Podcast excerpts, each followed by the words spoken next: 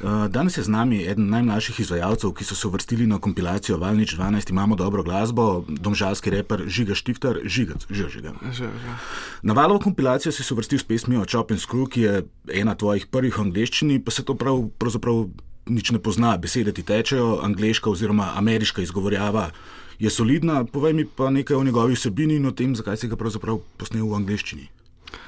Uh, v bistvu nastanek tega komada je bil tak, no, kako bi rekel temu, nekako čarobno. V bistvu sem bil v studiu z mojim producentom takrat uh, in on mi je vrtel podlage, malo sva freestylala, malo sva vadila komade, ki so bili napisani že prej. Pa je pa spustil nekako to podlago in, in je bilo čisto, če me zgore, že po mi, mislim, noter sem padel, glavno, tako sva na hitro posnela referen. Pa sem v bistvu tekst, polovico teksta sem že napisan, ga, v bistvu mislim, da druge dva parta sem napisan, ta prvega sem pa podal. In to je bilo to nekako. No. Zdaj, uh, nekakšna vsebina, ne vem, kako globoka naj ne bi bila. No. Ne vem, noter, v bistvu je to nekako kar reprezent, freestyle komatno. Čisto tudi, kar je nastane.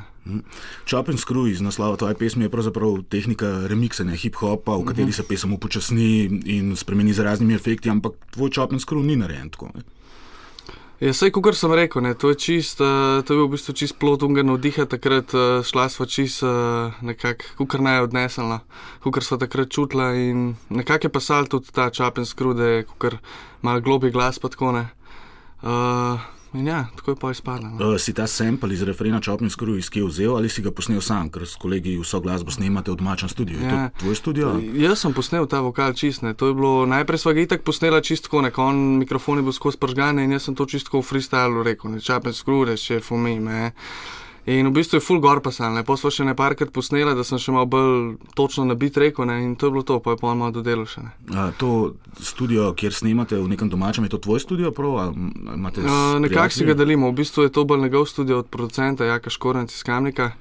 Uh, snemam pa samo jaz tam v bistvu, no? nekako skupen studio je to. Uh -huh.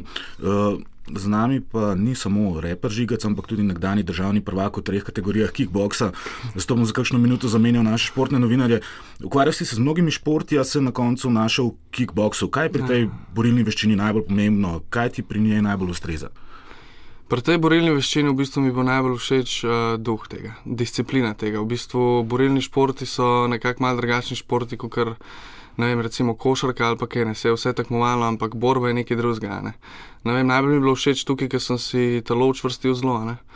Um, in predvsem duh tega, no, nekako bo, duh borbe, no, kako bi temu rekel. No, ker to najdem tudi v hip-hopu, naprimer, ne, ta navdih, ta bojne, vsi se borimo skozi. A, to so te usporednice med, ja, med kickboksom. Nekako in... tako, po mojem. Ja, ja. uh, kaj pa je pri tebi trenutno na prvem mestu, rep ali šport? Rep, 100%, hip-hop. Ja, zdaj je prišla tudi neka poškodba. Ne, in... Ja, imel sem malo hujšo poškodbo, imel sem zlomljen hrbet, zdaj le januarja sem si ga zlomil. Tako da je malo na pauzi tudi športa. Ja. Zaradi tega se pa hip-hop tako bolj razvija. uh, kot predstavnik mlade generacije uporabljaš eh, vsa mogoča spletna omrežja za promocijo svoje mhm. glasbe. Pravzaprav lahko na YouTubu spremljamo tvoje ustvarjanje že nekaj od leta 2008. Kako zdaj gledaš uh mhm. -huh. na te svoje starejše posnetke, na tiste začetke? Uh, eni, eni so kar smešni. No. Nekako uh, nekak sem ponosen na njih, zato ker zdaj vem, kje sem, tudi zaradi tega, kje sem bil prej, ne. nekako vice razvoja. Ne. Po drugi strani pa. Ne, mi niso tako všeč. No. Zdi se mi več, tok, da predstavljajo mene. No. No, Ampak vse je pri 4-5 letih nek ja. razvoj. Ne. Seveda, ja. uh, da, um, v videoposnetku za pesem Domžale Muska si predstavi svoje mesto in njegove prebivalce, predvsem znane športnike. Uh, kako pa je z glasbo, so poleg tebe še kakšne mlade skupine ali izvajalci uh, iz Domžale, iz katerega koli žanra, ki, bi, ki obetajo? Uh, hm. Je, mogoče bi omenil skupino Imset, no. rok skupino, ki sem jo spoznal v bistvu na Domžalski noči, ki je bila takrat. Uh, oni so me kar impresionirali no, iz energije njihovo. No. Drugače delam pa sam. No. Ja. Ne sodelujem zaenkrat z nobenimi izvajalci, niti z Domžal, niti, niti tako krok iz Slovenije. No. Te ni nikoli zanimalo, kakšen tak crossover projekt, recimo z rok skupino? Dubu sem, dubu sem v bistvu neke ponudbe tudi za eno tako, uh, kako bi rekel temu, eno rok kompilacijo ali pa tako, kako bi rekel, tehnološko. Ampak to me nekako ne zanima, no, zaradi uh, vidika kulture hip-hopa. Ne treba ostati resničen temu, čemu pripadaš. Ne, sem pa zavrnil to. No. Tako da se bolj držim tega. No. Ta mešanja stilov, ki se tudi mogoče v prihodnosti. Se... Mogoče v prihodnosti, no zaenkrat ne vidim tukaj sebe, kot da bi sodeloval z njimi. No. Uh, Prav ta video s podnom Žale Muska ima na YouTubu že 242 tisoč ogledov. Uh, YouTube je pa znan tudi po ostrih komentarjih, te tisti bolj negativni komentarji, ki se pojavijo pod video spoti, ki prizadenejo. Če bi me prizadel, pa bi nehal že mogoče malo prej. Ne, ne, Tako da jaz si vsak odziv vzamem kot pozitiven, ne, ker kljub temu je komentar negativen ali pozitiven, še vse je komentar na eno moje delo, ki sem ga sam ustvaril. Na domžale muska sem ponosen iz komercialnega vidika. Ne. Predstavil sem naše mesto, slišal se je tako mat po celi državi. Na to sem ponosen, nisem tako ponosen na njega z vidika kulture hip-hopa.